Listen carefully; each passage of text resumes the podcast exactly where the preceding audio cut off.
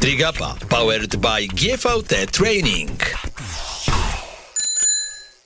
Partnerem podcastu jest Butik Optik, certyfikowany salon optyczny z dziewięcioma lokalizacjami w Warszawie, wyróżniający się wieloletnim doświadczeniem w doborze okularów oraz szkieł optycznych Oakley, a także wielu innych światowych marek. Bądź jak Gapek i zobacz więcej z Optik, wykonując kompleksowe badanie wzroku. Link do niego zamieszczam w opisie tego programu. Kamil Gapiński, dzień dobry, witam Was bardzo gorąco i z dumą, radością i w ogóle wszystkimi najbardziej pozytywnymi myślami, jakie mi przychodzą do głowy. Obwieszczam, że moim gościem, a niektórzy powiedzą moją gościnią, jest mistrzyni świata. I nie chodzi mi tutaj o Chelsea Sodaro, nie chodzi mi tutaj o inne znakomite w przeszłości zawodniczki. Chodzi mi o naszą swojską dziewczynę ze Starogardu Gdańskiego, Magda Lenz. Dzień dobry, witam Cię bardzo serdecznie. Dzień dobry, dziękuję za zaproszenie. I na początku naszej rozmowy ja Ci muszę pogratulować, no bo przyznam szczerze, śledziłem Mkona, patrzyłem co tam się dzieje, nie wytrzymałem w pewnym momencie, padłem o drugiej w nocy chyba. Jak się obudziłem, zobaczyłem, że Marcin jest drugi, chciałem płakać, ale potem zobaczyłem, że ktoś inny wygrał i powiem Ci, że byłaś dla mnie taką otuchą na złamane Mkonowe serce. E, dziękuję, to jest bardzo miłe. E, cieszę się, że przysporzyłam mm, emocji tym obserwującym, którzy śledzili moje zmagania od początku. No, zdaję sobie sprawę, że pora nie była korzystna i właśnie część mogła e, zasnąć, ale jak rano właśnie zobaczyła aplikację, to mam nadzieję, że właśnie dużą radość sprawiłam ty sprawiłaś taką radość, jak wiesz, Dawid Tomala polskim kibicom na Igrzyskach w mhm. Tokio, z tym, że ty byłaś znana w środowisku triatlonowym i ludzie wiedzieli na co cię stać, a z Dawidem to było tak, że Polska się położyła spać, wstała rano, zobaczyła, że ma mistrza olimpijskiego i nie miała pojęcia kto to w ogóle, bo nikt go nie znał. Także tak to wyglądało. Natomiast, moi drodzy, zanim o triatlonie, ja mam ważne pytanie, ponieważ rozmawiamy niespełna 24 godziny po fenomenalnym występie polskich siatkarek, które w ćwierćfinale przegrały z Serbkami w Mistrzostwach Świata. To był pierwszy nasz e, udział w tym turnieju na tym poziomie od 62 roku. Przypomnę, tiebreak, nieprawdopodobna walka naszych dziewczyn, a że Magna ma przeszłość siatkarską, to ja zapytam, dlaczego ja dzisiaj rozmawiam z mistrzynią świata w triatlonie, a nie z siatkarką, która na przykład wczoraj by grała w kadrze e, w Gliwicach i walczyła o medal. Myślę, że moja kariera nie potoczyła w siatkówce się tak, jakbym e, chciała. Również e, nie mam dobrych warunków fizycznych do e, siatkówki. Jestem trochę za niska, bo mam 174 cm wzrostu, a jednak w siatkówce trzeba mieć dużo lepsze warunki fizyczne. Oj Madziu, a libero? Przecież zdarzają się u nas w kadrze no, poniżej 1,70 m. Właśnie Halo. chciałam tutaj powiedzieć o pozycji libero. No niestety nie przyjmowałam zbyt dobrze, także na pozycję libero no niestety się nie nadawałam. Y, grałam na przyjęciu, jak byłam seniorką, ale to też y, miałam mniejsze pole do przyjmowania zdecydowanie niż ta druga przyjmująca i libero. To powiedz, do jakiego ty doszłaś poziomu, w jakich ty grałaś klubach i czym się możesz w tej siatkarskiej karierze pochwalić? Y, zdecydowanie większe sukcesy miałam w młodzieżówce, w młodziczkach y, miałam zdobyte Mistrzostwo Polski. Byłam wtedy wypożyczona do Gdanii Gdańsk, bo przepisy to umożliwiały, że właśnie zespół, który awansował do finału, mógł się wspomóc z innymi zawodniczkami z województwa i właśnie wtedy otrzymałam taką możliwość, żeby grać w Gdanii i zdobyłyśmy Mistrzostwo Polski Młodziczek. E, po tym sukcesie dostałam propozycję, żeby przejść do zespołu z Gdańska. Było to wtedy jedno z moich marzeń i bez zastanowienia się zdecydowałam, żeby e, przeprowadzić się do Gdańska. Mieszkałam w internacie i właśnie trenowałam e, z Gdanią Gdańsk i w tym zespole zdobyłam jeszcze brąz w kadetkach, brąz w juniorkach i srebro w juniorkach. Następnie kontynuowałam karierę w seniorkach. Moim pierwszym klubem był TPS Rumia. Y, to była druga liga, ale z dużymi aspiracjami na awans do pierwszej ligi. Niestety w połowie sezonu miałam kontuzję, zerwałam więzadła krzyżowe i sezon się dla mnie już zakończył. Pół roku rehabilitacji i po tej kontuzji niestety dosyć długo dochodziłam do siebie. Kolejny sezon również y, spędziłam w TPS-ie chyba, ale mhm. Y, no ciężko, tak w TPS-ie w TPS-ie Rumia, ale no, większość sezonu przesiedziałam na ławce, bo jeszcze nie doszłam do siebie, do pełni sił. Pod koniec sezonu zaczęłam już grać i wtedy zmieniłam zespół. Grałam w Treflu Sopot, to była pierwsza liga. No i to był najwyższy poziom w seniorkach, w jakim grałam. Głównie właśnie bardziej w tych drugoligowych zespołach z aspiracjami na grę w pierwszej lidze. E, poprzez pierwszą ligę rozumiemy ten najwyższy poziom rozgrywkowy. Nie, nie, nie. nie. Czyli Jest ten ek... ekstraklasa, pierwsza liga, tak. druga liga, czyli ten jakby tak. zaplecze.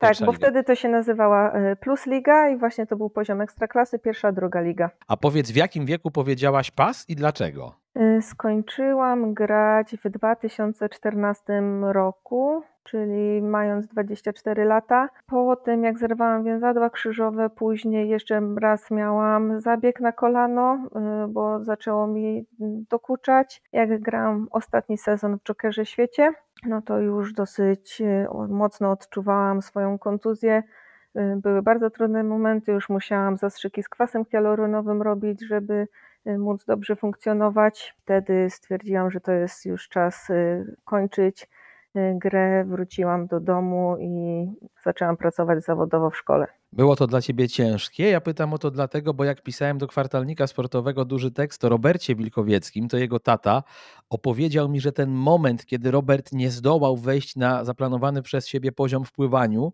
i kiedy przez rok nie trenował, był dla niego bardzo trudny. Nawet Robert Wilkowiecki senior użył zwrotu, że mm, Robert był wtedy przezroczysty, bo nie bardzo wiedział, co ma ze sobą zrobić, nie mógł odnaleźć się, wiesz, w takim życiu po życiu, no bo od małego ten sport mu bardzo mocno towarzyszył, a, tym, a w tym momencie go zabrakło. Jak ty to przeżyłaś? Myślę, że podobnie był to bardzo trudny moment, bo jednak y, trenowałam od y, sierpnia do marca, kwietnia. Jak awansowałyśmy dalej, to jeszcze czasem sezon trwał dłużej, później roztrenowanie, więc tak naprawdę y, lipiec był tylko wolny.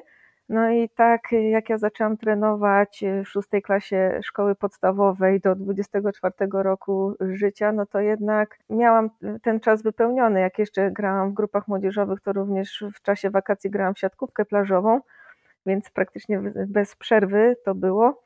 No więc jak skończyłam, to rzeczywiście przyszedł taki moment, no, że ja nie wiedziałam, co ze sobą zrobić. I wtedy mój brat powiedział, że muszę sobie znaleźć zajęcie. No i tak jakoś wypadło na triatlon spotkałam znajomego, który powiedział, że mamy grupę triatlonową w Starogardzie, no i może warto byłoby tam spróbować. No najpierw zaczęłam sama chodzić na basen, żeby w ogóle pływać, bo nie potrafiłam przepłynąć 50 metrów kraulem, więc zanim do tej grupy dołączyłam, to chciałam najpierw umieć e, troszkę dłuższe odcinki, przepłynąć kraulem i wtedy właśnie zdecydowałam się, żeby dołączyć do naszej grupy. No i tak to się wszystko zaczęło. Miała to być mm, zabawa, przede wszystkim, bo już nie myślałam o y, zawodowym uprawianiu sportu, czy o właśnie, może teraz nie, nie uprawiam zawodowo, no ale bardzo dużo czasu poświęcam na trening. No i tak myślałam, żeby to było y, fajna odskocznia, móc coś robić popołudniami i właśnie cały czas y, trzymać poziom sportowy. Ja naprawdę żałuję, że nie widzimy się teraz face to face, bo po tym, co ona powiedziała, po prostu mam ochotę ją uściskać. Czy wy to słyszycie? Nie potrafiła przepłynąć 50 metrów kraulem, została mistrzynią świata, a na Hawajach zapierdzieliła 3800 y, w godzinę 4. Magda, no przecież to jest piękne, to jest taka ładna filmowa historia, za to kochamy sport. Nie wiem, zdajesz sobie z tego sprawę? To jest cudowne. Jeszcze właśnie do mnie to wszystko nie dociera. Jest to bardzo piękne, miłe, niesamowite i chyba jeszcze więcej bym mogła używać takich słów. No, na pewno tutaj dużą pracę w pływaniu y, wykonałam. No i na początku no na początku to pływanie właśnie mi wychodziło najlepiej, a teraz jednak jest to moja najsłabsza dyscyplina. Aczkolwiek no godzina 4 to jest czas, który który chciałam osiągnąć. Był to plan A w mojej głowie i bardzo się ucieszyłam właśnie jak wyszłam z wody i zobaczyłam na zegarze, że taki czas osiągnęłam. Ach, co to jest za historia? Ja właśnie o tej historii chciałbym porozmawiać, bo bardzo często mówi się o tym, że debiutanci mają niełatwo na konie, że jak tam jesteś pierwszy raz, to bez względu na to, jak mocnym zawodnikiem e, byłeś w innych krajach, to musisz zapłacić frysowe, że ten upał cię może zabić i no milion różnych historii, które są na nie, po czym przyjeżdża Magda Lenz, 9 przylatuje, 9 dni przed zawodami, a następnie wszystkie zawodniczki opierdziela na sucho. Czy ty jadąc tam chciałaś się przede wszystkim dobrze bawić, czy też z twoim trenerem Tomaszem Kowalskim, jak żeście sobie popatrzyli na twój debiut w Klagenfurcie, na twoje wyniki z jednej i drugiej, to, to chodziło wam po głowie to, że być może nie będziesz najszybszą ze wszystkich e, age grouperek, ale chociaż w swojej kategorii wiekowej. Jak to wygląda? No właśnie tutaj są dwie drogi mm, podejścia do Hawajów, albo właśnie jedziemy się bawić, albo podchodzimy do tego, no podchodzimy i przygotowujemy się na maksa. No ja ustaliłam z trenerem Tomkiem, że no podchodzimy do tego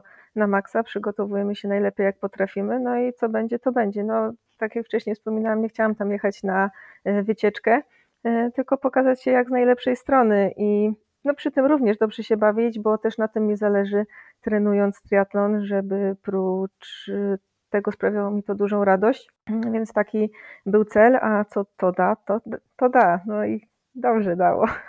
Dobrze dało, naprawdę. Nie no, ja, ja ciągle mam ochotę cię przytulić dzisiaj, jak cię słucham, bo to są wszystko tak fajne rzeczy. Jeszcze to ze mnie samego nie zeszło, przecież to się działo 6 dni temu, niecałe w ogóle, ach.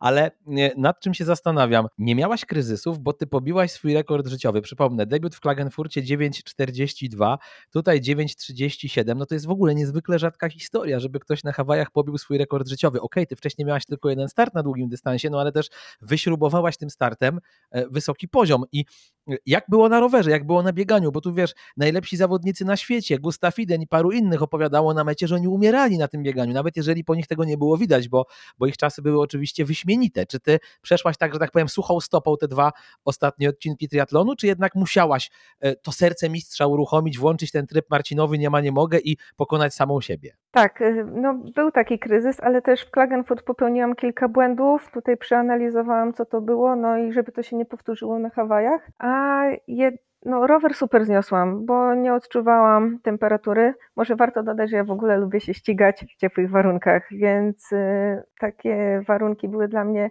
idealne, aczkolwiek no, później już na biegu to były nawet za ciepłe dla mnie. Y, taki kryzys mi się włączył, jak wybiegałam y, z Energy Labu słynnego na Hawajach. Jest tam temperatura trochę y, odczuwalnie wyższa. I to było ostatnie 12 kilometrów do mety, właśnie jak wbiegłam na autostradę Queen K. I no tam już trzeba było y, swoje ostatnie zasoby mentalne uruchamiać, że choćby nie wiem co się stało, no trzeba cisnąć do końca i nie mogłam sobie pozwolić na chwilę słabości, bo miałam momenty, a może przejdę do marszu i zrobię marszobieg, ale jednak nie, cały czas chciałam biec i jedynie co to na punktach odżywczych przemaszerowałam, żeby y, dobrze się napić, y, schłodzić, później dalej biec. Tutaj musimy powiedzieć, że Magda była pierwsza i absolutnie nas zachwyciła, jeżeli chodzi o wszystkie amatorki, ale jeszcze kilkaset metrów przed metą pierwsza była Niemka Guber, której byś raczej nie dogoniła, bo ona miała nad tobą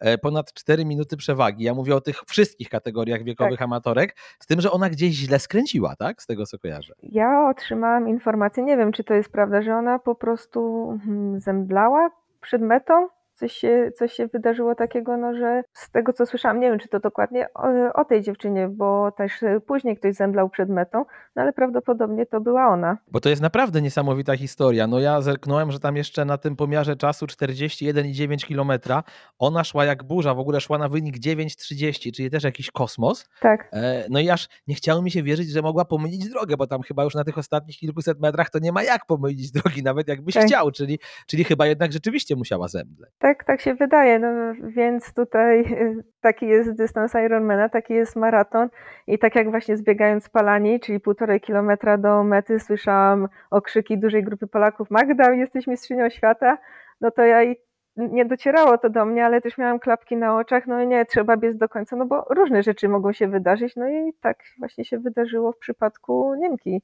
A ty wiedziałaś na bieżąco, czy na rowerze, czy właśnie podczas biegu, jak wysoko jesteś? Zdawałaś sobie z tego sprawę? Tomek gdzieś tam ci zdołał coś krzyknąć, czy, czy jednak wyłączyłaś się i po prostu biegłaś założonym wcześniej tempem? Mm, tutaj pierwszą informację otrzymałam na rowerze, mniej więcej na wysokości Waikaola, to jest około 55 km. Od y, jakiegoś obcokrajowca właśnie krzyczał, że jestem trzecia w age grupie. No to takie dodało mi to skrzydeł i dalej trzymałam swoje zaplanowane waty, pilnowałam jedzenia, y, picia. Y, później też właśnie wybiegając z Energy Labu, ktoś z zagranicy mi dał znać, y, ile mam przewagi u siebie w age grupie, no i że mam stratę właśnie do overall, no ale ja się skupiłam na age grupie i już nie myślałam o tym, żeby dogonić właśnie Niemkę, żeby wygrać overall, bo tak jak wspomniałeś, przewagę miała dosyć sporą a jednak też miałam taki kryzys, więc nie warto było ryzykować. No i 4 kilometry do mety właśnie stał Tomek i jak dobrze, że on tam stał, to był akurat widoczny podbieg do skrętu Palani. No i on jest taki, nie jest to trudny podbieg, ale jest on bardzo długi i jak już się ma w nogach 37 kilometrów, no to jednak jest e, Każda mała, Boli, góreczka, tak. tak, każda mała góreczka jest odczuwalna, więc jak tylko zobaczyłam znajomą koszulkę biało-pomarańczową, no to tak się ucieszyłam, dostałam, dodałam, już sam widok dodał mi motywacji, no a Tomek mi krzyknął, że mam y, przewagę, więc wiedziałam, że już wystarczy tylko utrzymać to tempo. Y, krzyknął mi jeszcze parę motywujących rzeczy, między innymi, że jestem mocna i dam radę, więc już y, no, dzięki temu też dałam radę utrzymać te swoje Y, tempo. Pierwsza myśl na mecie? Chyba uf, to była. Y, naprawdę tak, jak biegłam już w kierunku mety, chciałam się cieszyć, ale to była tylko taka chwilowa radość, bo później od razu opadły mi ręce, opadła mi głowa i po prostu cieszyłam, że, cieszyłam się, że znalazłam się na mecie, no bo naprawdę już warunki pod koniec były bardzo trudne. Ja czułam, że palą mi się ręce od słońca, brakowało już mi picia, więc te punkty odżywcze mimy mimo że były co 3-4 kilometry różnie rozłożone, no to jednak było ich dosyć mało w tych warunkach. I pod koniec dało to się odczuć. Powiedziałaś, że w Klagenfurcie popełniłaś pewne błędy i że wespół z Tomkiem wyciągnęliście z nich wnioski. No to jeżeli to nie jest jakaś wielka tajemnica, ciekaw jestem, jakie to były błędy i jakie te wnioski zostały na Hawaje wyciągnięte. Zmieniłam taktykę żywieniową trochę, bo na, w Klagenfurt y, postawiłam, żeby jeść żele normalnie, no i tutaj mi jeden żel wypadł, wypadły mi gdzieś tabletki z elektrolitami, więc musiałam się zatrzymać w punkcie special needs, żeby zabrać i tabletki i żele, bo miałam je przygotowane, y, więc to też mi zabrało trochę czasu. Podejrzewałam, że zjadłam za dużo kofeiny y, na rowerze w Klagenfurt, więc teraz też zjadłam trochę mniej i w Klagenfurt piłam kofeinę. Tutaj zmieniłam na tabletki, no i chyba to się okazało strzałem w dziesiątkę, bo nie miałam też problemów żołądkowych. A no i żelę właśnie zmieniłam mm, do bidonu. Wlałam żelę do bidonu, uzupełniłam wodą i tak właśnie postawiłam na taką taktykę żywieniową. To był strzał w dziesiątkę i cieszę się, że to y, zmieniłam, bo chciałam też zrobić y, tak jak w Klagen, ale właśnie tutaj rozmawiając z Tomkiem i z Olgą, to była dobra decyzja. Czy ty jesteś mistrzynią świata, która marzy o tym, żeby za rok znowu pojawić się na Hawajach i bronić tytułu, czy raczej wzorem Mkona uznajesz, że tam raz na 3-4 lata będziesz teraz wpadać? Jak wolisz? Gdyby mi pozwoliły warunki finansowe, no to chciałabym oczywiście w przyszłym roku się tam pojawić. E, jednak jest to dosyć kosztowna impreza, nie ma co ukrywać, więc e, raczej nie. A czy Starogard nie pomaga? Czy nie wiem, jacyś sponsorzy się nie zgłaszają? No być może wiesz, też ci się otworzą nowe drogi, no bo okej, okay, ja wiem, że jesteś amatorką, ale jednak amatorką, która wymiotła tutaj, no. A najlepsi nasi amatorzy również mogą na różne współprace, z mojego doświadczenia tak przynajmniej wynika, liczyć. Y, na ten wyjazd tutaj muszę wspomnieć właśnie o swoim klubie Roger Gdański. Dzięki ich dużemu zaangażowaniu y, pomogli mi, pomogli mi znaleźć też y, jednego sponsora i udało się uzyskać znaczną część kwoty, nie całą, ale dosyć dużo i też mi to ułatwiło wyjazd na Hawaje. Jak będzie w przyszłym roku, nie wiem, no mam nadzieję, że dzięki temu sukcesowi y, będę mogła otrzymać wsparcie finansowe i dalej się realizować i zdobywać dalej takie miejsca. A tobie chodzi po głowie? Pytam o to dlatego, bo niektórym najlepszym dziewczynom amatorkom chodzi po głowie. No a jeżeli nie ma w tej chwili lepszej od ciebie, no to do kogo to pytanie skierować?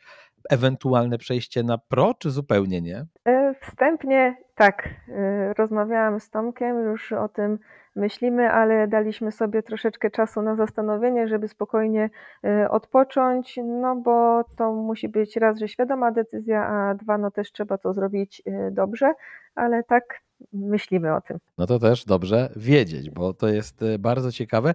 Ja jestem, Magda, ciekaw Twojego charakteru, bo E, rozmawiałem o tobie z paroma osobami przed naszym programem i tak naprawdę mało kto potrafił mi powiedzieć coś konkretnego. Z tego, co e, mogłem się dowiedzieć, to padały raczej słowa typu spokojna, zamknięta w sobie, introwertyczna, cicha. Ty też się tak postrzegasz, czy zupełnie nie? Myślę, że to zależy, e, ale tak, raczej jestem taką osobą cichą, zamkniętą w sobie, Y, mam ograniczone grono znajomych i myślę, że to tak w 100% y, oddaje moją osobę. Jednak myślę, że też są sytuacje, kiedy potrafię się zdenerwować i podejmować decyzje pod wpływem emocji. Jednak właśnie staram się zawsze, jak jestem zdenerwowana i to jakieś decyzje odkładać na dzień czy dwa później i jak już na spokojnie to wszystko przemyśleć. Ja wiesz, bo pytam o to, ponieważ jestem ciekaw Twojej głowy. To znaczy, Marcin Konieczny bardzo często jako mistrz świata, ale też wcześniej dzielił się na profilu Mkona swoimi przemyśleniami, pisał felietony i tak dalej. Tym samym jakby pozwalając się poznać ludziom ze środowiska. O tobie myślę, że przeciętny polski triatlonista wie bardzo niewiele. Właśnie jak sobie wygoogluje, to gdzieś tam znajdzie, że grałaś w siatkówkę, wie, że zostałaś mistrzynią świata, ale zbyt dużo poza tym nie wie. A ja na przykład jestem ciekaw twojego charakteru, twojej głowy, no bo wyobrażam sobie, że jeżeli zostajesz mistrzynią świata age grouperek overall na Hawajach w metce triatlonistów, to ty musisz mieć głowę potwora ale to takiego pozytywnego potwora, nie? No, musisz mieć mocną, ty siebie postrzegasz jako osobę z silną właśnie taką sportową psychiką do rywalizacji? Mm, wiesz co, to jest zabawne, bo ja w siatkówce byłam raczej zawodniczką tą treningową.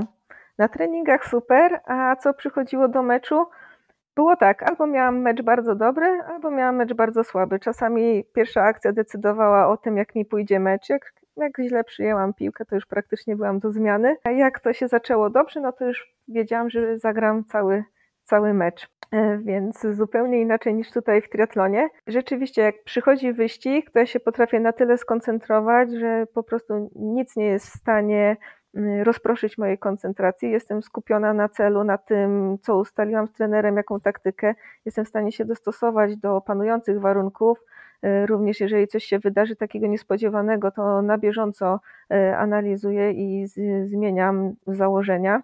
Więc no tutaj rzeczywiście zupełnie inaczej niż to było w siatkówce. Może po prostu są ci pisane sporty indywidualne, a nie zespołowe. Tak, zdecydowanie. Szkoda, że tak późno się dowiedziałam. Gdyby nie siatkówka, gdyby nie to, co było wcześniej, no to by nie było mnie w tym miejscu, co teraz. Jasne, wszystko dzieje się po coś. Mm, zastanawiam się, a ty zwracasz uwagę na trening mentalny? Nie wiem, czytasz jakieś książki, korzystałaś kiedyś z usług psychologa sportu? I drugie pytanie, które za tym idzie, no bo o tym też coraz częściej się rozmawia, jak wygląda taka kwestia twojego codziennego żywienia? Czy to są jakieś pudełka, czy sama sobie gotujesz, czy masz te chwile słabości typu, wiesz, jakiś sneakers albo czekolada od wedla, czy jednak e, mocno trzymasz dietę? Dobrze, to może najpierw na to pierwsze pytanie. E, będąc na WF-ie, ja zrobiłam sobie studia podyplomowe z psychologii sportu, bo Super. jest to dla mnie tak ciekawy temat, bardzo mnie to interesowało, bo również e, wtedy e, wiązałam swoją pracę w przyszłości z trenerem siatkówki. Zresztą właśnie jak skończyłam grać w siatkówkę, to przez jakiś czas miałam swoje grupy treningowe, więc uważałam, że to będzie bardzo przydatne do mnie, dla mnie w pracy z młodzieżą. A trening mentalny, tak, jest to dosyć istotny element, myślę. Ja nie współpracowałam z psychologiem sportu. Mm, czytam dużo książek, y, obserwuję sporo profili na Instagramie właśnie związanych z psychologią, z psychologią sportu, co tutaj można zrobić. No i staram się wdrażać to w codzienne życie, w treningi. Y, nie zawsze to jest łatwe, też mnie dużo rzeczy stresuje związanych z zawodami, ale staram się właśnie cały czas nad tym pracować. I myślę, że idzie mi to znacznie lepiej niż to było jeszcze w zeszłym roku. A jeżeli chodzi o dietę, to troszkę zmieniłam do tego podejście, bo wcześniej to było podejście 100% albo nic, skrupulatne liczenie kalorii, odmawianie sobie jakichś rzeczy, a ja bardzo lubię słodycze. I nie wpływało to na mnie dobrze, jak y, sobie nie pozwalałam zjeść czegoś słodkiego więc od zeszłego roku już praktycznie nie liczę kalorii, nie ważę się, po prostu jem. Myślę o tym oczywiście, co jem, żeby to były wartościowe produkty, żeby przy treningach były węglowodany przed, po, tak, ale też sobie pozwalam na jakieś słodycze czy to jedzenie, które jest tak kolokwialnie nazywane niezdrowe czy zakazane. Co było najważniejsze w Twojej współpracy z Tomkiem Kowalskim? Czy masz jakiś taki moment, jak się cofasz myślami wstecz, że definiujesz go jako przełom, że gdzieś poszliście do przodu, wykonaliście taki skok jakościowy, czy to po prostu było tak kroczek po kroczku, step by step, szliście do góry? Nie wiem, myślę, że to pytanie do Tomka tutaj byłoby też dobre. Z mojej perspektywy uważam, że szliśmy tak krok po kroczku, bo zeszły rok, a ten rok no, zupełnie się różni treningowo.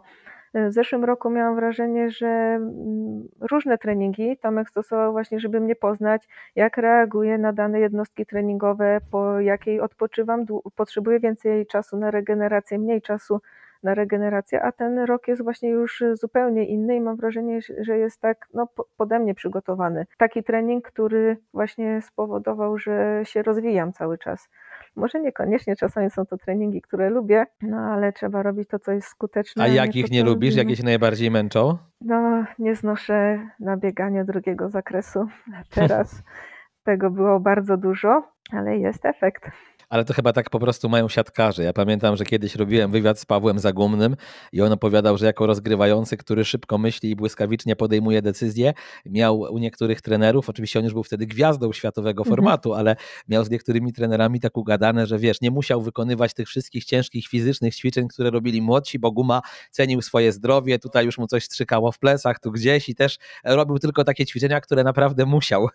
I mhm. też po prostu opowiadał mi, jak strasznie nie lubił tego e, czasu rozgrzewki rozgrzewki, na przykład tego rozciągania się siatkarskiego i tak dalej. Oj, to prawda. Jak sobie przypomnę rozgrzewki siatkarskie 45 minut, czasami do godziny.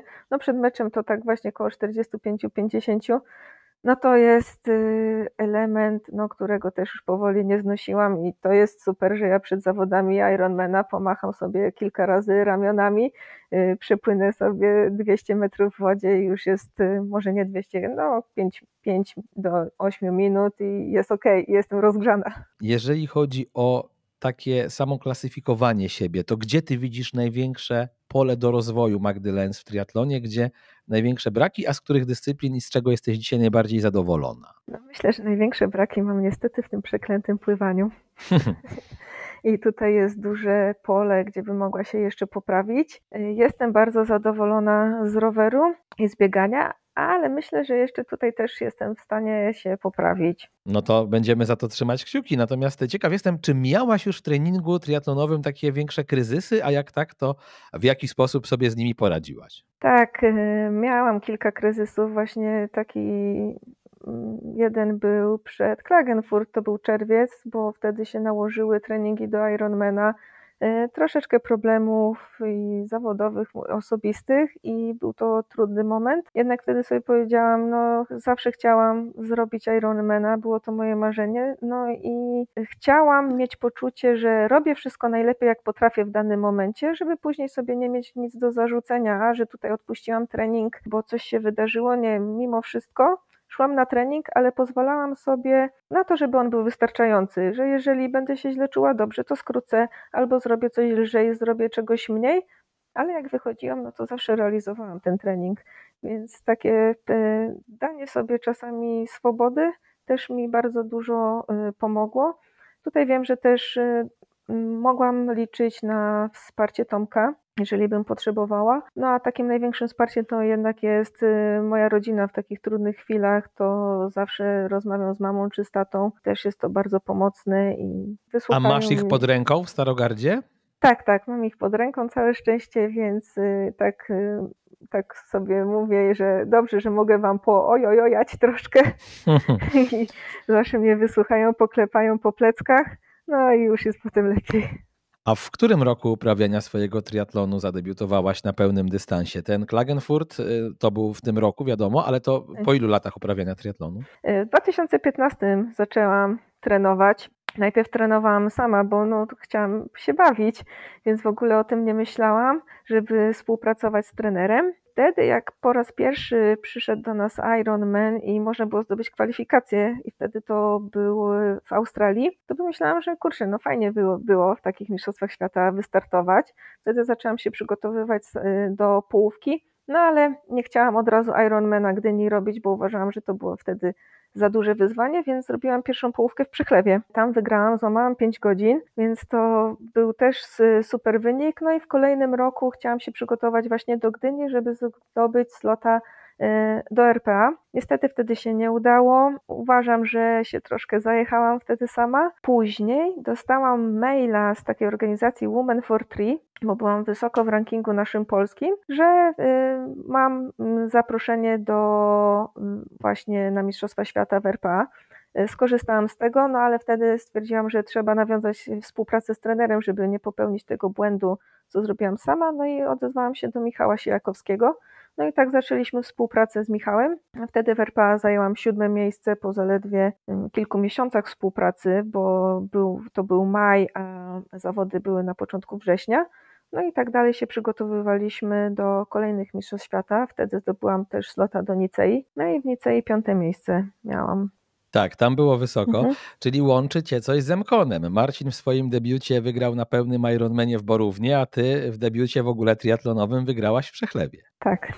No już widzicie, takie nitka po nitce, cechy wspólne zaczynamy znajdować. A propos innych triatlonistów, czy ty masz w polskim lub światowym triatlonie właśnie zawodniczkę albo zawodnika, na którym się wzorujesz, którego historia cię inspiruje, którego lubisz, a być może z którym lubisz rozmawiać, bo być może to jest osoba, którą po prostu znasz? Może na nikim się nie wzoruję, ale z zagranicznych triatlonistek y, ja bardzo lubię Laurę Filip. Y, jest to taka zawodniczka, która mm, też za dużo nie pokazuje, a jej wyniki są bardzo dobre.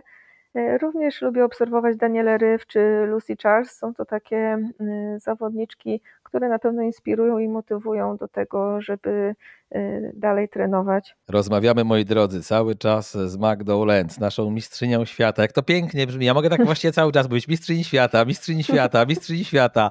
Nie musimy nic więcej gadać, wszystko jasne. E, a czy w tym debiucie w Klagenfurcie też gdzieś czułaś się raczej względnie komfortowo, czy w związku z tymi błędami, o których mówiłaś wcześniej, cierpiałaś na pewnym etapie? No bo tam ten wynik też był bardzo dobry jak na debiut. No 9,42 tak.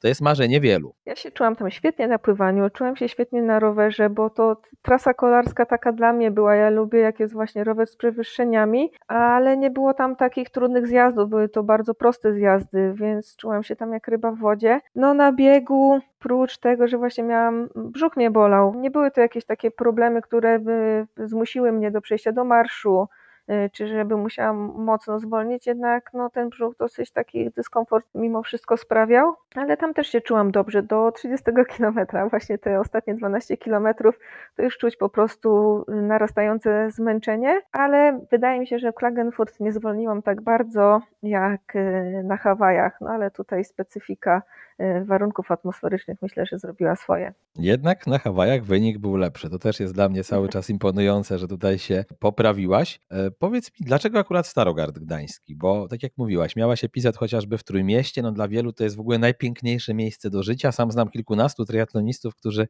żyją czy w Gdyni, czy w Gdańsku i sobie po prostu chwalą i nie mogą się nacieszyć i mówią, że to jest w ogóle boskie miejsce. Ten Starogard jednak dużo mniejsze miasto, ono po prostu odpowiada jakby też twojemu charakterowi, bo lubisz spokój, czy z jakiegoś innego powodu jesteś tam na stałe? Tak jak mówisz, lubię spokój, ale też jestem domotor, domotorem, tak? Tak, domatorem. Yy, tak, yy, lubię właśnie w domu być po prostu i ja się, jak grałam w siatkówkę, to również się czułam bardzo dobrze w takich mniejszych miejscowościach. Grałam w Starzycy, czy jak grałam w Świeciu, ja tam bardzo dobrze się czułam. W Trójmieście nie, że się źle czułam, ale jednak y, duże miasto mniej mi odpowiada niż właśnie takie mniejsze miejscowości. Jak u ciebie jest z treningiem? Gdzie masz najbliższy basen? Nie musisz tam, nie wiem, 25 km dojeżdżać w jedną stronę. Gdzie sobie lubisz w swojej okolicy biegać? Czy masz jakieś takie, wiesz, ulubione ścieżki? Jak to wygląda od strony roweru? Basen mam blisko, bo mamy w Starogardzie y, basen jeden, co prawda, i czasem ciężko jest z dostępnością, y, aczkolwiek tutaj też mam duże wsparcie i mogę wejść w innych y, godzinach treningowych razem z naszą grupą Tristarogard. Mam swoje ulubione ścieżki biegowe, mam blisko las, gdzie mogę robić rozbiegania. Y, ścieżki rowerowo, piesze rowerowo, po których mogę robić y, treningi z zadaniami. Rower, też mamy tutaj super tereny, Kociewie, czy blisko też Kaszuby, gdzie można jeździć bez problemu. Natomiast jeżeli mam zadania, które wymagają dużej koncentracji, to jednak zostaję w domu na trenażerze. Lubisz, czy raczej po prostu taka miłość z konieczności? Lubię. Lubię. Lubisz, Nale- a to dobrze. Tak, należę do tej grupy, która lubi jeździć na trenażerze i czasem nawet jak już y, lekko pada, to ja nie wychodzę na dwór, tylko po prostu robię trenażer. Oczywiście też zależy, jakie jest zadanie, bo jak y, były zadania, które były po prostu polegały na tym, że mam trzy godziny jechać, no to raczej nie jest to ciekawe, no ale też czasem trzeba było to zrealizować. A czy masz jakichś sparring partnerów triatlonowych w okolicy? O kobiety to ja nawet nie pytam, bo na tym poziomie to pewnie są pojedyncze dziewczyny w Polsce. Natomiast czy są jacyś goście, którzy wytrzymują twoje tempo i czasami sobie z nimi trenujesz, bo lubisz towarzystwo, czy właśnie wolisz trenować sama? Wolę trenować sama. Indywidualnie trenuję, jestem samotnikiem tutaj i nie... wiem, że są duże korzyści treningu w grupie jednak y, zdecydowanie tutaj wolę indywidualnie. Ja się zastanawiam, czy dla takiego spokojnego człowieka jak ty to większym wyzwaniem niż start na Hawajach to nie była ta podróż na Hawaje, żeby tam dotrzeć, bo to jednak kawał drogi i poważne wyzwanie. To nawet wiesz, dla obytego ze światem podróżnika to jest konkretna podróż. Tak, podróż to y, była rzecz, która mnie najbardziej stresowała. Cała logistyka z tym związana, więc jestem bardzo wdzięczna, że ja tam z Olgą y, leciałam. No bo tak, to było stresujące i bagaże, rower. Stresowałam się tym, czy rower doleci, a jak doleci, czy doleci cały, się nic nie stanie z nim. Całe szczęście no miał tylko dwugodzinne opóźnienie rower, bo przyleciał późniejszym samolotem, przyleciał też cały, więc już ten pierwszy stres ze mnie zszedł i mogłam się cieszyć pobytem na Hawajach. To ja jeszcze zadam pytanie od mistrza Polski na dystansie Ironman do mistrzyni świata na dystansie Ironman. Kolega z klubu Jacek Tyczyński pyta, czy te Hawaje są takie trudne jak mówią, czy jednak nie? To zależy. Myślę, że jest to wyścig, którego nie da się porównać do y, żadnego innego. Sama otoczka już powoduje, że są to niesamowite zawody. Nie wiem jak y, dla osób, które no, ciężko znoszą ciepłe warunki, jak to by one, te osoby by odpowiedziały. Ja wiedziałam, że lubię ciepło. Się zastanawiałam właśnie, jak sobie poradzę w tych warunkach. No i ciężko mi odpowiedzieć na to pytanie y, Jacka, bo to myślę, no, że najlepsze właśnie to jest, to zależy. Kto w Polsce dla ciebie na dzisiaj jest taką twoją największą rywalką? Czy miałaś zawodniczkę, z którą się najczęściej gdzieś ścigałaś o zwycięstwa, czy czy niekoniecznie? Myślę, że tutaj mamy kilka mocnych y, dziewczyn w kategoriach wiekowych. No, na początku sezonu w duatlonach y, była to Karolina y, Janc, na pewno Ewelina Wołosz w Poznaniu się z nią ścigałam. Nie miałam okazji ścigać się z Olgą Kowalską, ale też jest bardzo dobrą zawodniczką. Również z Alicją nie miałam możliwości się ścigać w tym roku, też jest bardzo mocna.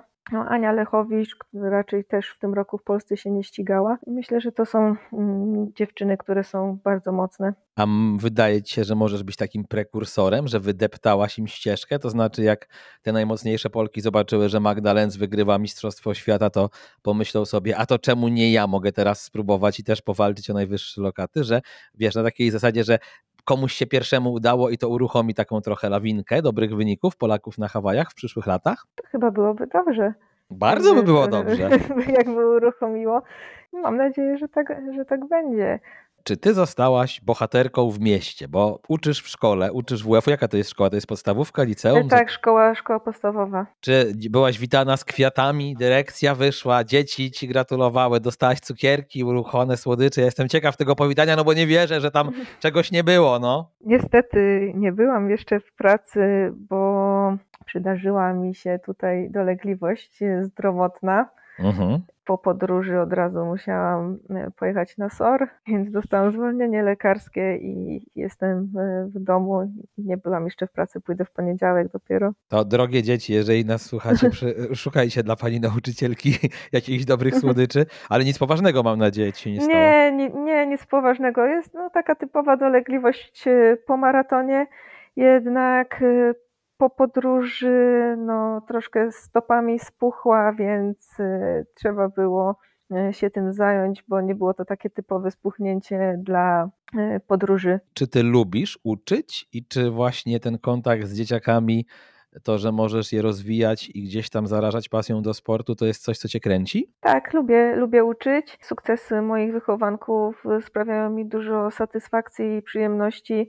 Jest to też dla mnie motywujące, że oni osiągają sukcesy. Ja jestem wychowawcą klasy sportowej, więc mam też dużo wychowanków, którzy sami na co dzień trenują. No i mam nadzieję, że też jestem dla nich jakąś inspiracją, motywacją, żeby mm, trenować. Pewnie też mają jakieś kryzysy i dzięki temu e, może je pokonują i dalej trenują. No tutaj z kolei połączenie z innym kolegą klubowym, czyli z Sergiuszem Sobczykiem, który przez lata był nauczycielem też w podstawówce WF-u i który był mhm. wychowawcą i kochał swoją klasę i opowiadał kilka tygodni temu tutaj u mnie, jak ciężko było mu się z nią rozstać, podejmując decyzję o tym, że się w 100% poświęca mhm. triatlonowi oraz treningowi e, triatlonowemu. A czy ty już masz takich wychowanków, których wiesz, e, zaraziłaś sportem jako młode dzieciaki i one poszły dalej, nie wiem, jakieś dziewczyny, które dzięki tobie zaczęły grać w siatkówkę albo, albo jakiś inny sport uprawiać na takim poziomie, że to już wróży zawodostwo, czy jeszcze, czy jeszcze się takich nie doczekałaś? E, znaczy ja jeszcze tyle nie pracuję w szkole, mhm. mam teraz, jestem teraz wychowawcą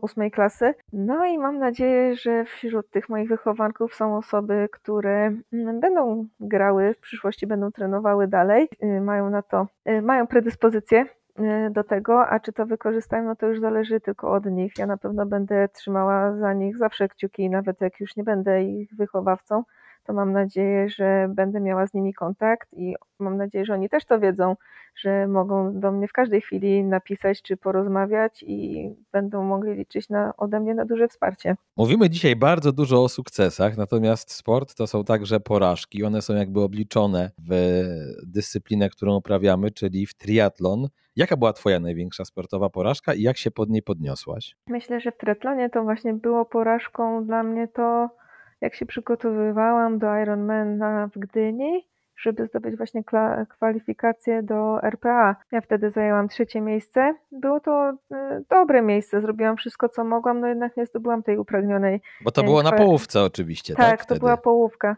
Y, nie zdobyłam tej swojej upragnionej kwalifikacji, no i wtedy tak y, troszeczkę się podłamałam i po prostu zmieniłam nastawienie, no że no widać to nie jest dla mnie, nie jest mi pisane, więc no zaczęłam znowu się bawić do tego. No jak się pojawiła znowu ta możliwość, no to wtedy dodało mi to skrzydeł, więc wychodzenie z porażek często to jest po prostu zmiana nastawienia. Ja zmieniłam nastawienie, że ja nic nie muszę, tylko ja chcę i to było też bardzo pomocne. Moi drodzy, czas na sondę. Ostatnio robiłem ją Oli Krawczyk.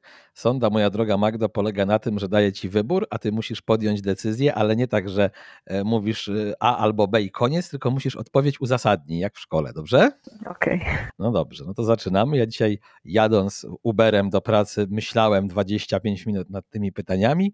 Pierwsze jest takie, rower z M-konem czy siatkarski trening z Małgorzatą Glinką? Rower z M-konem.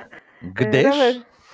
E, gdyż e, nie miałam wcześniej okazji Marcina poznać. Przez chwilę rozmawialiśmy po starcie e, na Hawajach i jest on bardzo inspirującą osobą. Bardzo dużo zrobił dla polskiego triatlonu.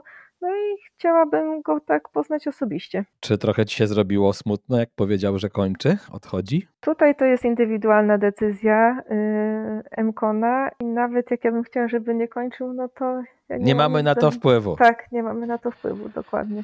Kolacja z Tomkiem Kowalskim w wykwintnej restauracji w Warszawie na Nowym Świecie, czy też piknik w lesie z Alicją Pyszką Bazan? Kolacja z trenerem. Dobrze, dlaczegoż? Myślę, że dalej byśmy omawiali y, treningi, cele na kolejny y, sezon i również tutaj y, chciałabym może nie o sobie mówić, ale zdobyć doświadczenie pod kątem trenerskim. Czyli też chodzi ci po głowie to, żeby prowadzić zawodników? Tak. No z drugiej strony, jak kończyłaś AWF, masz do tego przygotowanie, masz już teraz wiedzę triatlonową, robiłaś ten dyplom psychologa sportu, to można powiedzieć, że z każdej strony, jeszcze jakbyś powiedziała, że tu jesteś, wiesz, instruktorką żywienia, to już jesteś z każdej strony e, przygotowana, możemy sobie powiedzieć. Myślę, że tak, jednak tutaj muszę sobie troszeczkę e, wszystko e, to przemyśleć, ale tak jest to kierunek, e, w którym chciałabym iść. Jak ważne było to wsparcie Kowalskich, bo nie tylko o Tomku mówi, ale też o Oldze, Mhm. bo przecież była na Hawajach, wiadomo, że przez kontuzję nie mogła startować, tylko płynęła w tych zawodach e, pływackich po trasie. Natomiast zakładam, że pewnie była no, bliska dla ciebie i też ci pomagała Olga tam na miejscu. Tak, bardzo mi pomagała. Jestem za to wdzięczna i Oldze, i Tomkowi. Mogłam tutaj liczyć na duże wsparcie z ich strony mm, przed zawodami. Właśnie jak później pojechałyśmy z Olgą wstawić rower do strefy zmian, czy w, w dniu zawodów. Również Olga dużo mówiła e, właśnie o przygotowaniu przed zawodami, więc to były bardzo istotne i ważne informacje. E, Dla mnie też omawiałyśmy trasę, jak tutaj wygląda, bo nie przejechałam całej, też całej nie przebiegłam, nie na jakie elementy tutaj zwrócić uwagę. To były bardzo cenne wskazówki. Pojawiły się trenerskie łzy małżeństwa Kowalskich na mecie, jak zobaczyli, że mają kolejnego mistrza świata po Emkonie. E, Nie widziałam u Tomka, natomiast tak, ja się wzruszyłam, jak przyszedł Tomek i mnie przytulił i pogratulował. No u Tomka nie wiedziałam, może to trzeba Tomka się spytać, jak to było. A czy jakaś kolacja, jakoś to świętowaliście wyjątkowo tam na Hawajach? E, Na drugi dzień spotkaliśmy się w naszym gronie i wypiliśmy po lampce szampana i sobie porozmawialiśmy e, o zawodach. Tutaj przekazywaliśmy też wskazówki dla tych zawodników, co startowali w sobotę. Wolny wieczór, serial na Netflixie, czy raczej lektura dobrego kryminału? 50 na 50, bo i lektura dobrego kryminału, bardzo lubię czytać książki, właśnie kryminały, filery, ale też lubię spędzić wieczór na Netflixie, oglądając serial czy film. Czy to są takie twoje, powiedziałbym, najczęstsze zajęcia poza pracowo-triatlonowe, czy jeszcze masz jakieś hobby, masz czas na jakieś hobby nietypowe? Yy, Nie mam czasu na hobby nietypowe, więc to są zdecydowanie aktywności, które yy, robię poza triatlonem, poza pracą. Jednak dostałam od brata na urodziny mm, obraz do malowania po numerach. O, Teraz na roztrenowaniu będę miała dużo czasu i spróbuję. Może to będzie moja nowa zajawka w czasie wolnym. słyszałem, że to jest fajne. To warto oczywiście spróbować, bo nawet moja mama takiego czegoś próbowała i kiedyś wchodzę do domu, a tam prawie, że słuchajcie, jakiś Picasso, a to się okazało, że właśnie mama po numerach Gustawa Klimta czy kogoś chyba malowała. A czy są takie książki, tacy autorzy książek, czy to kryminałów, czy właśnie tych e, motywacyjno-psychologiczno-mentalnych, których chciałabyś wspomnieć, których być może warto wspomnieć, żeby pokazać drogę naszym słuchaczom, co fajnego mogą przeczytać sobie w wolnych chwilach na roztrenowaniu albo przy jakiegoś audiobooka odpalić na bieganiu? Yy, Z kryminałów to Jonesbo lubię bardzo, yy, jego książki, yy, ale też z fantastyki no, mnie wciągnęła Gra o Tron, więc tutaj też tego typu książki bardzo lubię. Kropka. Kropka. I nie słuchajcie tych audiobooków, ja sobie właśnie przypomniałem, bo macie słuchać tego programu mojego, a nie audiobooków. Kurde, ludzie, bez sensu zupełnie. Nie, nie będę sobie robił sam konkurencji. Nie, chętniej spróbuję w wolnej chwili na roztrenowaniu gry w squasha czy snowboardu. Yy, Gry w squasha, bo to łatwiej będzie mi zorganizować niż snowboard teraz. Yy, aczkolwiek jak byłam na obozie narciarskim z AWF-u, no chciałam snowboardu spróbować. Niestety grupa już była zamknięta, więc pozostały yy, mi narty. Więc myślę, że teraz na roztrenowaniu squash, aczkolwiek jak skończę już z triatlonem, to wtedy spróbuję snowboardu. A czy miałaś na AWF-ie takie sporty poza oczywiście siatkówką, które bardzo lubiłaś i których liznęłaś i poczułaś, że to może być to? Bardzo ciekawą sprawą jest na WF-ie obóz letni. My mamy go w Raduniu i tam były sporty wodne, właśnie były y, żaglówki i windsurfing i to też y, bardzo mi się spodobało i chciałabym też później tego właśnie spróbować. Dobrze, lecimy dalej. Na autostradzie spokojnie jadę prawym pasem, czy sprawdzam lewym maksymalną prędkość auta? Nie sprawdzam nigdy maksymalnej prędkości auta, więc pozostaje mi tylko wybór, że jadę spokojnie prawą stroną. Ja pozdrawiam Darka Dąbrowskiego, z którym wracałem z susza i tutaj muszę powiedzieć, że on nie jedzie prawą stroną. Aż przypomniały mi się te seria, ten film, ta seria Taxi, gdzie ten gościu tak szybko przewoził wszystkich taksówką, że na końcu otwierał się taki pojemnik i ludzie mogli wymiotować. Pozdrawiam cię Darek bardzo serdecznie, ale już z tobą nie wracam. Wolę obejrzeć górski etap Tour de France czy relacje z maratonu w Berlinie? Jak oglądam jakieś relacje, to raczej skróty niż e, całe relacje, no bo są e, długie, więc e, też Myślałem, że 50. wiesz, tak na trenażerku akurat można sobie odpalić jakiś etap Tour de France. Oni jadą, ty jedziesz, to prawie jakby był Zwift. No nie, na trenażerze to albo słucham muzyki, albo właśnie leci film, albo serial, ale zazwyczaj to właśnie muzyka po prostu. No więc tutaj 50 na 50 myślę, że skrót bardziej niż całość. No to, żeby nie męczyć się z tą sondą, pytanie ostatnie. znowu o roztrenowanie, a może też właśnie o cheat day, Big Mac w McDonaldzie, czy raczej pizza z salami ostra? Big Mac i pizza naraz. A zjadłaś wszystko po Ironmanie? Jakieś widziałem, taki, Tak. jakieś widziałem taki fajny wykres, nie? Takiego, wiesz, gościu z brzuszkiem, taki typowy Janusz, co zaczął biegać, tam było po pięciu kilometrach, batonik, po dziesięciu, dwa batoniki, po maratonie, kurwa zjem wszystko! to coś Wiesz, takie... Wiesz co, zawsze jest tak, jak w czasie wyścigu sobie myślę, o Jezu, zjem to, zjem tamto i wbiegam na metę i boli mnie tak brzuch, że nie jestem w stanie zjeść nic, więc przestałam o tym myśleć. No i na Hawajach zero problemów żołądkowych, więc od razu do strefy, do strefy finishera, pizza, hamburger. No właśnie, ja słyszałem, że to było. wypasiona za te miliony monet, które tam płacicie, żeby wystartować, to chociaż wam zrobili dobrą strefę finishera, co? Tak, ale zjadłam dwa kawałki pizzy i takiego mini hamburgera i loda i już nie miałam siły więcej jeść, więc jak pojechałam do mieszkania już po zawodach, to wtedy troszkę y, więcej jedzenia wleciało. No ja pamiętam, że po swoim jedynym Ironmanie w życiu w ogóle nie byłem głodny, aż nagle po prostu po trzech godzinach dostałem takiego ataku głodu, że czułem, że muszę tu, teraz, natychmiast, od razu, bo jak nie, to się przewrócę. No może to jest to, taki to atak. Jest, to, jest, to, jest, to jest najgorsze właśnie, że później człowiek myśli, że jest najedzony, a za chwilę ma atak na lodówkę i właśnie je wszystko. Słuchajcie, sympatyczna dziewczyna, spokojna, z głosem momentami przypominającym mi taką delikatną barwę głosu Edyty Górniak. Nawet dzisiaj była moim gościem, ale przede wszystkim mistrzyni świata w triatlonie Magda Lenz. Mam nadzieję, że dzięki tej rozmowie poznaliście ją trochę lepiej. No i czegoż Ci życzyć, moja droga? Tego, żeby to roztrenowanie było fajne, żebyście podjęli decyzję z Tomkiem, co w 2023, czy dalej Age Group, czy Pro. No a jeżeli którakolwiek z tych opcji wygra, no to znowu kwalifikacji na Hawaje. Myślę, że tak. Ale prócz tego to zdrowia na pewno i wytrwałości oraz tego, żeby dalej sprawiało to radość, bo to jest główny czynnik, od którego zależy, ile będę dalej trenowała triatlon. Bo rozumiem, że sobie nie postawiłaś takiej daty granicznej, jak chociażby Marcin, który zadeklarował rok temu, że jeszcze tylko Hawaje 2022 i koniec. Że u ciebie tak to na razie nie wygląda. Nie, tak nie wygląda. Jeżeli przyjdzie moment, że będę musiała się y, no, na każdy trening zmuszać, bo oczywiście są w sezonie takie treningi, gdzie trzeba po prostu wyjść i zrobić swoje. No nie da się I- przejść takich tak. przygotowań suchą stopą, prawda? W 100%. dok- y, dokładnie. Jednak przez większość czasu mi to sprawia dużą frajdę. Ja lubię trenować, ja lubię się zmęczyć. Y, Zawody organizacyjnie sprawiają mi dużo stresu, ale już sama rywaliz- samą rywalizację też bardzo lubię, więc dopóki to wszystko będzie, to będę dalej trenowała. No i póki zdrowie pozwoli. No to tego zdrowia życzymy. Przesyłamy wirtualne uściski, bo jednak dzisiaj ja Warszawa, Magda Starogard, ale fajnie było porozmawiać. No i jeszcze raz gratulujemy, cieszymy się razem z Tobą, bo to nie jest e, tylko sukces Magdy Lenz, ale też sukces całego polskiego triatlonu. To był kolejny odcinek programu Trigapa. Kamil Gapiński, dziękuję Wam moi kochani bardzo serdecznie. Dziękuję bardzo za zaproszenie. Pozdrawiam wszystkich. Do zobaczenia na trasie. Trigapa powered by GVT Training. Partnerem podcastu jest Butik Optik, certyfikowany salon optyczny z dziewięcioma lokalizacjami w Warszawie, wyróżniający się wieloletnim doświadczeniem w doborze okularów oraz szkieł optycznych Oakley, a także wielu innych światowych marek. Bądź jak Gapek i zobacz więcej z Optik, wykonując kompleksowe badanie wzroku. Link do niego zamieszczam w opisie tego programu.